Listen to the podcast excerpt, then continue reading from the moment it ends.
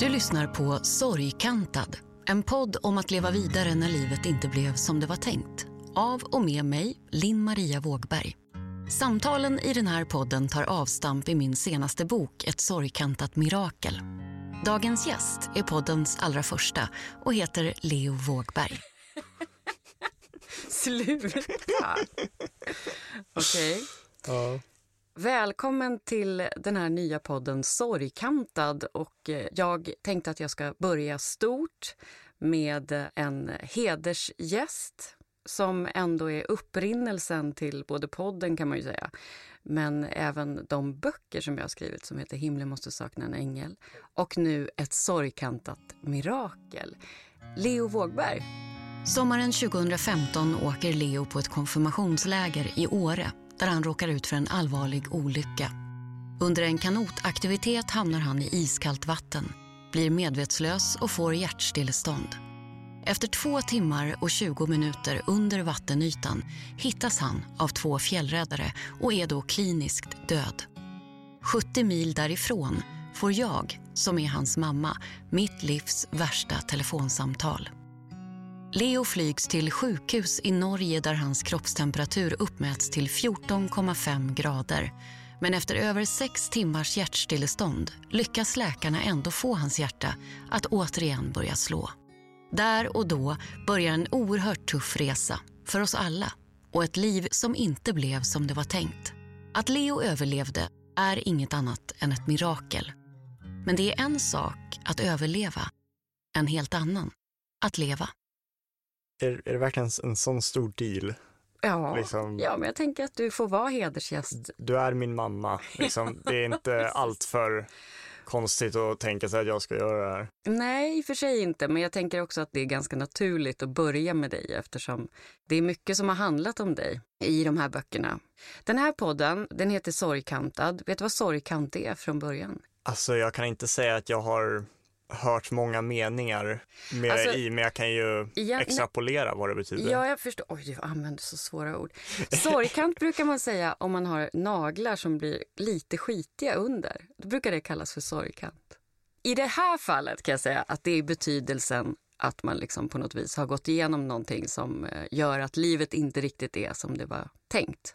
Okej, så du behandlar min död som skit under naglarna. Okej, tack så jättemycket. Jag drar inga sådana övriga paralleller. Alltså de som lyssnar på det här kommer ju förstå att vi har ganska schysst galghumor ändå. Ja. vi får varna för det i förväg. Liksom. Men du, gästerna här kommer att vara mm, personer som på olika sätt har drabbats av förluster eller sorger eller som kanske arbetar med sorg och förlust och människor som mår dåligt. så. Om du är liksom hedersgästen där, på vilket sätt skulle du säga att eh, du är sorgkantad? Eh, ja du, jag vet inte riktigt hur jag kan svara på den frågan. Nej, Jag, du håller inte med om att du är sorgkantad kanske? ja, Nej. jag känner att jag tar livet som det är. Men du, om du ska berätta lite om dig själv, vem är du? Jag är Leo Vågberg, just nu 20 år. Skulle säga att jag har lett ett rätt normalt liv fram till för fem år sedan då jag em, slog världsrekordet i lägst kroppstemperatur och överleva eh, för män. Och vad var kroppstemperaturen? 14,5 grader. 0,7 grader över världsrekordet. Som innehålls av en kvinna ska vi säga. Ja, jo, en exakt. läkare faktiskt. Ja, Det är lite irriterande. ja det är Å andra sidan kan vi inte vara riktigt säkra på det här. För det handlar ju allt om när Jo, man ja, mäter självklart, temperaturen. och Så här. Men jag antar att detsamma kan sägas för även Vem den kvinnan. helst. ja. Du hamnade i jättekallt vatten och fick hjärtstillestånd i sex timmar faktiskt. Du var på ett konfirmationsläger och Mm. paddlade kanot. Man ska inte paddla i kalla fjällsjöar och ligga där två och en halv timme under vattenytan innan någon råkar hitta en. Nej, det är, det är nog en bra idé att undvika de situationerna. Ja, precis. Om man säger så här, att sorg på något vis uppstår i när vi förväntar oss någonting av livet och så blir det inte riktigt på samma sätt. Skulle du hålla med mig om det då? ja, ja, faktiskt. Om du skulle beskriva vad som är de största skillnaderna med ditt liv nu och innan, Vad är det egentligen? Alltså, jag, jag, tänkte säga att jag inte riktigt kommer ihåg mitt liv innan, så det, det ger mig ju ett av svaren, Ja, vilket precis. är att framförallt mitt närtidsminne Mm. är rätt så mycket oexistent. Alltså det, det har blivit bättre sen Ja, sen- sen begynnelsen, hände. Ja, om man säger så. Eh, Men det är fortfarande, jag brukar jämföra det med att jag har närtidsminnet av en guldfisk med minnesförlust. Ja, just det. Eh, Lite som Doris i ja, Hitta Nemo. Exakt, Mm. exakt. Ja, det, det är definitivt den största konsekvensen. Eh, sen så missade jag ju även muskeln som lyfter tårna. Den är, den är borta på Mm. högerfoten. Vilket är jobbigt. Det skapar inte allt för många problem för mig, tack och Nej, lov. Nej. Jag har en skena som håller eh, foten i 90 grader hela tiden Mm. och den hjälper jävligt mycket. Och vi kanske ska säga till känsliga lyssnare också att det kommer att ske en del svordomar som jag Ja, inte jo. kommer att pipa. Ja, tyvärr. Ja, jag, Det var nämligen så ja att det. innan olyckan så hade Leo aldrig svurit. En, Ja. ja, men inte i min närhet i alla fall. Och sen när du vaknade upp efter olyckan, det första du sa var jag är så sugen på glass. Ja, Men efter det så kunde man konstatera att någonting hade hänt i ditt svordomscentra. Ja, För du, ja, du kunde inte nu- säga en mening utan typ tre ja, svordomar. nej, nu för tiden svär jag som en borstbindare. Ja, men Och fast jag- då var det värre kan jag säga. Ja, och jag, jag vet inte riktigt varför. Jag antar att min nivå av, eller alltså jag bryr mig helt enkelt inte lika mycket. Det där är också min teori, att ditt filter av anpassning till Ja. omvärlden, det har verkligen försvunnit. Yeah. Håller du med om det? Ja, oh ja, oh ja. Skulle du säga att du är en eh, krassare människa idag? Jag tror det. Mm. Liksom jag, som kommer sagt, inte ihåg, jag kommer inte nej. ihåg riktigt hur jag var innan, men ja, jag antar det. Du är i alla fall krassare än de flesta människor, så kan vi ju Det, det kan jag absolut erkänna. I sex timmar efter telefonsamtalet som bar bud om olyckan visste vi inte om Leo levde eller var han befann sig. Timmarna var fruktansvärda. Ovisshet är svårare för oss människor att utstå än vetskapen om det värsta. När jag sen, knappt ett dygn senare, för första gången fick se min son tänkte jag att det var kört. Jag skulle förlora honom. Prognoserna var nattsvarta och medan vi pendlade mellan hopp och förtvivlan svävade Leo mellan liv och död. Efter tolv dygn i respirator på självaste Leo-dagen skulle man så försöka väcka honom. Först då skulle man på riktigt inse hur illa det var ställt. Jag tänkte att jag klarar vad som helst, bara han minns att jag är hans mamma. Bara jag får fortsätta att vara hans mamma. Och det första Leo sa när han vaknade var Mamma, mamma, jag är så sugen på glass. Och då fanns han ju där, Leo. Sorgen jag alltjämt känner över den del av Leo som gick förlorad, den son jag trots allt miste, den möter en del oförstånd. Borde jag inte bara vara glad och tacksam för att han överlevde? För det som blev? Och det är jag, också, men inte enbart. Att sörja är att fortsätta älska det man förlorat. Och herregud vad jag älskar Leo, både den han var och den han är. Sorgen och glädjen går hand i hand och kanske är det så att de betingar varandra. Precis som ljuset och mörkret. Att sörja är att fortsätta älska det man förlorat. Under den här tiden sen olyckan så din återhämtningskurva i början var ju så här spikrak uppåt. Ja, det var, det Du var- slog ju alla prognoser och även om du aldrig tyckte att det var särskilt stort att du kunde gå igen och att du Nej. kunde röra på händerna och sådär. Men du har inte mått så bra psykiskt Ja, nej, under den här tiden. Nej, verkligen inte. Vad tänker du om det? Jag vet inte riktigt om jag tänker så mycket på det. Nej. Hur mår du nu då? Tror jag mår som jag brukar må. Vissa dagar är sämre än andra kan vi Oh ja. säga. Mm. Eh, sen så tiden på året är också rätt inflytelserikt. Så eh, vet du, den här olyckan då, den skedde 15 juli, Nej, juni. eller juni. Mm. juni. Mm. Ehm, då skulle man ju kunna tänka sig att jag skulle må väldigt dåligt runt Mm. juni.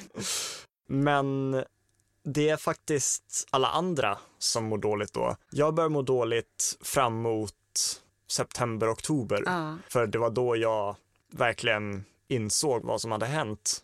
Det är då jag börjar få Ah. kroppsliga minnen. Men du har slitit ganska hårt med både den här känslan och eh, du tog ju faktiskt studenten den här juni. Ja, slitit hårt är definitivt ordet ett sätt för. att beskriva det. Ja, man kan ju konstatera att eh, korttidsminne eller närtidsminne är ganska bra när man ska plugga. Det kan jag absolut. Mm. Men du har haft stöd i skolan? Eller? Ja, jag, jag, som tur är så har jag haft ett flertal assistenter Mm. som har hjälpt mig komma ihåg sakerna. Självklart har de inte så här kommit ihåg svar på frågor. Det har jag på något sätt klarat själv. Mm. Men de har mer så här, ja, hjälpt mig komma ihåg vart fan jag ska vara när jag ska vara där. Precis. Och sen kan man ju konstatera det här med, alltså minnet är ju ganska speciellt på något vis. För det är ju inte så att du inte lägger saker på minnet. Det finns ju där någonstans. Det är bara det att Oh ja. du har svårt att plocka fram det på något vis. Lång tid är fortfarande skitbra.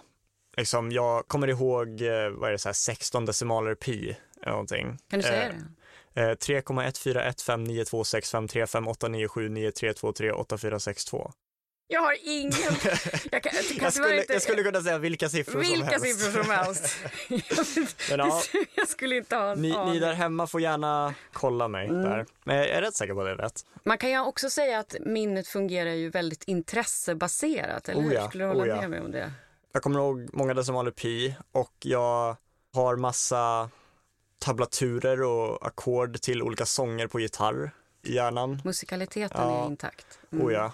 Allting som du tycker är intressant, det kommer du ihåg. Oh, ja. liksom. Det är på något vis överlevnadsstrategi för hjärnan också. Rensa bort sånt som man inte Ja. tycker är viktigt. Ja, Alltså som vad man äter till lunch. ja. Tycker du att det är sorgligt att det har blivit så här med minnet? Ja, alltså det är verkligen inte trevligt. Nej. Jag har haft så lång tid på mig att vänja mig nu så jag Mm. tänker inte jättemycket på det.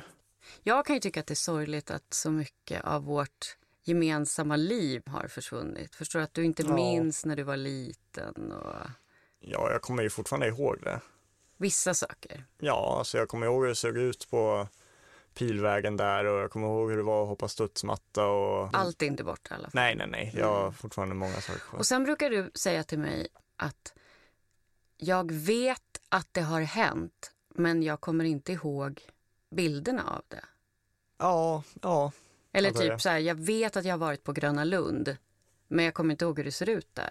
Dock så tror jag att det är på grund av att folk har berättat det senare och inte att jag, Det är liksom en Har- efterkonstruktion. ja, Din första midsommar i livet som blev spenderade du i ECMO-maskin. ja, Och din eh, andra midsommar i livet som blev, då åkte du fritt fall ja, eller på Gröna. Mycket kan hända på ett år. Är du arg? Inte längre. Jag har lärt mig att sluta slösa energi på saker jag inte kan påverka. Så, Wow, det där är verkligen en livsvisdom. ja, eller hur? Jag tror att det är det svåraste för människor. Att acceptera, det här kan jag inte påverka. Och då lägger jag energin på det jag faktiskt kan påverka. Ja, Det är lite som pandemin nu, tänker jag. ja?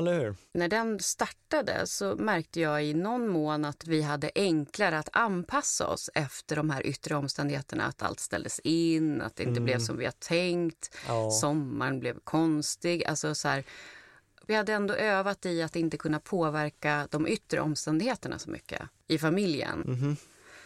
Men du var arg tidigare då?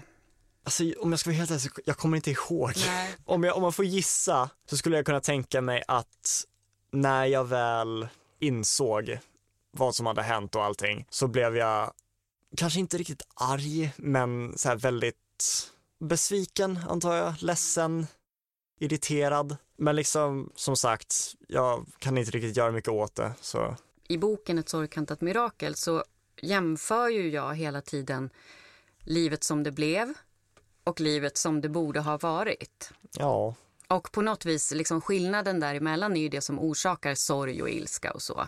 mm, Det året då du skulle ha tagit studenten, när alla dina gamla klasskompisar Mm. tog det, då var jag skitförbannad. För då var det så mycket som påminde om ja. vad du hade fått gå igenom och vi hade fått kämpa. Dock så i eftertanke Mm. så har jag faktiskt insett att det var rätt skönt att inte ta studenten samma år för det betydde att jag kunde gå på alla andra studentfester. eller om jag hade tagit det samma år så hade jag inte kunnat gå på deras och de hade inte kom, Nej, kunnat komma på min. Helt rätt. Och här är ju du mycket bättre än jag på att eh, se de positiva sakerna med det här. Är jag? Ja, Då måste du vara jag jävligt är dålig på det. Jag är Nej, nej, men alltså herregud, jag är också jättelycklig och tacksam för jättemycket. Men alltså, så här ska jag säga. Du är Mm. bättre på att inte tänka på det dåliga. Skulle nog ändra det till att säga att jag, jag är bättre på att inte visa att jag tänker på det. Okej, såklart älskling. Ja, för det, jag, jag tänker definitivt på det. Kanske inte hela tiden. Det finns en metafor som jag också skriver om i boken som heter Välkommen till Holland. Ja, Att när man har tänkt att man skulle till Italien och man har planerat och drömt om det och så sätter man sig i flygplanet och så när landningsställen slår i så bara, mina damer och herrar, välkommen till Holland. Va? Jag vill inte vara i Holland. Alltså, du vet. det, det roligaste med det Ja. är att jag har faktiskt ett flertal holländska vänner vet, som helt, skulle- som 100% skulle hålla med om det ordspråket. Ja. Nej, men om man bara, vänta nu, jag skulle till Rom och vad finns i Holland? Ingenting, Ja. regn och väderkvarn. Nej, men du vet. Och så går man omkring där och är väldigt, väldigt besviken över att ha hamnat i Holland. Men alltså, när man bara fokuserar på att man är arg och ledsen och besviken så missar man kanske det som är bra med Holland. Fan hur mycket bra det finns i Holland. Jag, jag, jag vet inte det heller, men tulpaner kanske, tänker jag. Tulpaner kan man ju se vart fan som helst. Ja, i och för sig. Men om du skulle säga att någonting är bra med det som har blivit. Det största jag kan komma att tänka på just nu Mm. eh, är väl att jag har löjligt mycket försäkringspengar. så det är ju någonting. Det är sant. Eh, Men ja, sen så har jag ju träffat jättemånga underbara personer tack vare att det här hände. Till exempel alla assistenter jag har haft under åren, Mm. Alla sjukgymnaster, alla doktorer, Läkare, läkare. Ja.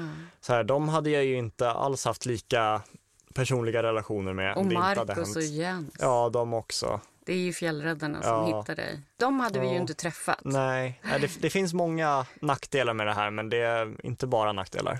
Även om det inte väger upp. Så, Nej, så, men om vi nu ändå inte kan backa tiden så får man ju se det så. Det är helt sant. Du och jag har ju pratat ganska mycket om skuld också. Sådär. Och att jag känner skuld över att jag har... Ja, och jag har sagt jävligt många gånger att det verkligen inte är ditt fel och Nej. att du inte ska känna någon skuld. Du hade ju aldrig åkt på konfirmationslägret om det inte hade varit för min idé om det. Och att hade inte jag jobbat i kyrkan så hade ju inte du åkt. För du vill ju inte Nej. konfirmera dig.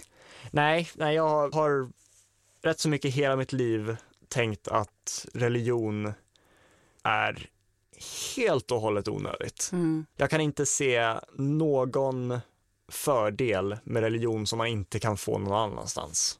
Och jag tror ju på Gud. Så det var ju jag som ville att du ändå skulle få veta vad du sa nej till. Ja, Men framför allt så var det ju för att jag tänkte att du skulle få åka på äventyr i två veckor och träffa nya kompisar och Ja. sådär. Men jag känner ju ändå skuld att jag skickade dig i döden liksom. Och jag har sagt förlåt jättemånga ja, gånger. och jag har mottagit den ursäkten många gånger också. Jag vet. Ibland måste jag säga det igen. Ja, ja, ja. En gång sa du till mig, det är inte det att jag vill dö. Det är bara det att det är så jobbigt att leva. Jag vill inte dö, men jag önskar att jag aldrig hade fötts. Överlevt. Jaha, eller överlevt eller fötts? Både och. Ja. Liksom, båda hade ju slutat med att jag inte levde just nu. Nej, precis. Känner du så nu? Inte just precis nu i denna tidpunkt, Nej. men eh, det händer ibland. Jag har verkligen inte varken modet eller själviskheten att ta livet av mig just nu. Du har ju lovat mig att... Ja, nej, det kommer nog inte hända på väldigt bra. Har du något Alltså- råd till någon annan som känner så där som du gör? Eh, hur menar du? Om någon annan Om, i din ålder? om eller någon annan tänker så här, jag vill inte dö men jag önskar bara att jag inte levde. Ja. Nej, inte riktigt. Det är bara att stå ut. Du tror inte att om man ber om hjälp på något Oh ja, vis? att- nej nej absolut, absolut inte. Man ska absolut be om hjälp om man kan. Mm. Så här, jag säger verkligen inte så här, Ja, om du, Go ahead and do. ja, här, om du vill dö just nu, bara hoppa av närmaste bro. Nej, nej verkligen inte. Förhoppningsvis så har man många man kan be om hjälp från. Och har man inte det, hitta någon. Snacka med en terapeut, sök en doktor. Har du något tips till någon mamma som får höra de där orden? Skaffa hjälp. Mycket Till barnet? Det. Ja, Det kan ju kännas i hjärtat som mamma när jag får höra liksom att du har svårt att hitta motivation att ja leva. Jo, jo, det kan jag tänka mig. Min strategi har i alla fall varit att vi hela tiden ska vara öppna och prata om att det kan kännas Ja, sådär. det, det är absolut någonting man ska göra. Bara Säg till som. någon att du har problem istället för att bara hålla det inom dig. För Ja. det kommer inte hjälpa någon. Mm. Och Du det, skulle säga något om ja. din humor. det är en annan biprodukt av allt det här. Min humor är mörkare än kärnan av svarta hål. vilket, vilket vissa kanske inte Uppskattar, Uppskattar alla. allt för mycket. Eh, Men vi har på något vis kommit in i den jargongen allihopa. Ja. Så att det, vi började lära oss det redan på sjukhuset ska jag Ja, säga. För jo. att, alltså, de har ganska schysst galghumor även på intensiven Ja. och på ECMO. Ja, de har ju gått igenom Ja, de lever ju med Sin det där del hela av- tiden. sorger så de har ju säkert hittat ett bra sätt att hantera det. Ja. En vecka innan olyckan Mm. så fick ECMO Centrum i Trondheim sin andra ECMO-maskin. De hade bara en innan. Just och en det, det veckan, hade jag glömt. En vecka innan olyckan fick de sin andra. Och eftersom Gabriel, då, din kompis, Ja. eh, flögs in först Ja, och lades på den det. första maskinen så fick du den andra maskinen. Ja, och som om- hade de inte fått den maskinen Om det hade varit innan- en vecka sen, då hade jag inte suttit här just nu. Nej. Det finns ju många såna omständigheter längs Oh, ja. den här kedjan av händelser som på något vis inte riktigt... Det går liksom inte att förklara. Ja. För mig är det mirakel verkligen. Ja. De där maskinerna för övrigt, de här Mm. två ECMO-maskinerna. ja, det. De... De, heter nu Leo och Ja, Gabriel. det är är inte det fantastiskt? Den här är mamman roligt. fällde en och annan tår när jag fick höra det. ja, det, det, Det det, är är rätt fint. intressant. Minns du någonting om döden? Nej, fy sjutton. Alltså, du var ju död i sex och en halv timme. Ja, Minns du ingenting av det? nej. Tro mig, jag, jag har försökt komma ihåg saker, men nej, fy sjutton. Fast tänk om det är så att du såg ljuset, men du minns det Jag är rätt säker på att jag skulle komma ihåg att jag träffade Gud. liksom, jag är, Ja, men jag du känner kanske inte- att det är en rätt svår Ja, sak att glömma. Om du liksom inte, du kanske inte åkte ända dit. Och då har jag åkt till helvete istället. Nej, jag tänkte att du, jag tänker att du uppehöll dig i någon slags väntrum. Liksom. Ja, Eh, minns du något från sjukhusvistelsen? alltså jag kommer verkligen inte ihåg mycket, men det är fortfarande för mycket. Ja, okej. ja, du gillar ju inte att åka till Nej, sjukhuset. sjutton, det är Du börjar liksom svettas någonsin. och kräkas Ja. nästan när vi bara närmar oss KS. Ja, nej, det är absolut. Och återigen, det är ju inte människorna, det är liksom nej, nej, nej, jag älskar Ja. människorna där, men nej, det är inget trevligt ställe att åka till. Om du skulle träffa någon annan som råkar ut för en olycka som förändrar förutsättningarna för livet. Mhm. Jag tänker kanske mycket i din ålder också. Det var ju inte världens bästa ålder kanske att råka ut för en olycka i 15 års ålder. När man precis var på väg att bli vuxen och skulle bli självständig och så plötsligt blev du... jag håller med om det faktiskt. Nähä. Så här, om jag hade varit äldre, då hade jag ju förmodligen dött. Så här permanent. Jag hade inte överlevt. Nej, inte just den här olyckan då. Men Nej. liksom, jag tänker, finns det något du skulle kunna säga till någon som är yngre och som kanske blir sjuk eller liksom... Alltså jag vill ha något tips. Jag. Men jag kan inte riktigt komma på någonting just nu. ja, bara stå ut. Vet du vad jag brukar säga? Ja. Tänk så här, just nu är det så här jobbigt. Men ingenting är lika jobbigt för evigt. Ingenting är heller lika bra för evigt. Alltså allting Nej, är allt bara är just temporärt. Nu. Ja. Så det här kommer att gå över. Det finns ju något så här, this too shall pass. Ja. Liksom. Ja, det är i alla fall mitt bästa tips. Ja, jag vet i alla fall att så fort jag finner mig i situationer där allting är jättebra, då får vi se hur länge det här varar. Då. Eller hur? Då Ja. kommer din krasshet fram Ja. där. Så här, ja, ja. För när jag frågar dig så här, var maten god? Vad Mm. svarar du då? Det var helt okej. Ja, den smakade inte illa i alla fall. Ja, vet fan om jag säger det hela tiden. Ja, nästan hela tiden. Eller så här, har du haft det bra? Det var Ja, inte, dåligt var i inte fall. dåligt i alla fall. Eller hur? Jag säger det om upplevelser. Det, det kan jag absolut erkänna. Ja, Men precis. kanske inte maträtter. Fast det har å andra sidan blivit bättre för ditt smak och luktsinne var ju väldigt, väldigt påverkat. Ja, det var hemskt. Men nu har det ju faktiskt blivit lite bättre så nu börjar du uppskatta mat igen. Du hade ju väldigt svårt att uppskatta mat ett tag. När man hör det kanske man tänker så här, åh fan vad jobbigt, hur, hur kan man äta någonting? Alltså liksom allting som smakar illa smakar superskit. Ja. Men allting som smakar gott smakar även jävligt mycket bättre. Mm, så det är mer att det är förstärkt. Ja. Så liksom ett blir tio, tio blir hundra. Överstimulerat Ja. ADHD-smaksinne. Liksom. Ja, typ. Till exempel, eh, min pappa gjorde högrevsburgare någon dag Mm. och slaktaren som man går till, han mal ner extra fett i hamburgerfärsen Ja. Eh, och jag började gråta när jag tog en tugga av den hamburgaren för att det var så jävla gott. Ja. Det finns för och nackdelar med alla de här sakerna. Och lite så är det ju. Livet är ju både och. Och det är det ju oavsett om man har varit med om en jobbig olycka eller sjukdom eller förlust eller så. Ja, Det är liksom både och och inte antingen eller. nej. Det är väl sensmoralen av den här senaste boken, Ett sorgkantat mirakel, att sorg Mm. är ingenting man går vidare ifrån. Det går man vidare med, Ja. vill jag hävda. Ja, det är, det är ett bra sätt att säga det. Vi kan ju inte backa till dem vi var innan. Nej. Vi är ju inte samma personer du och jag som innan olyckan. Nej. For better or for worse. Eller hur? Både och. Ja. Så att även om man på något vis sörjer det som inte blev så är man ju så här sjukt glad och tacksam över att det ändå var någonting som blev. Ja. Att det blev ett Holland i alla fall. Ja. Det är i alla fall vårt Holland. ja, antar det. Eller hur? Mm. Börjar vi närma oss slutet på... Ja, jag vet inte. Är det något mer som du tänker att du vill säga? Ska vi tacka någon? Fjällräddarna, antar jag.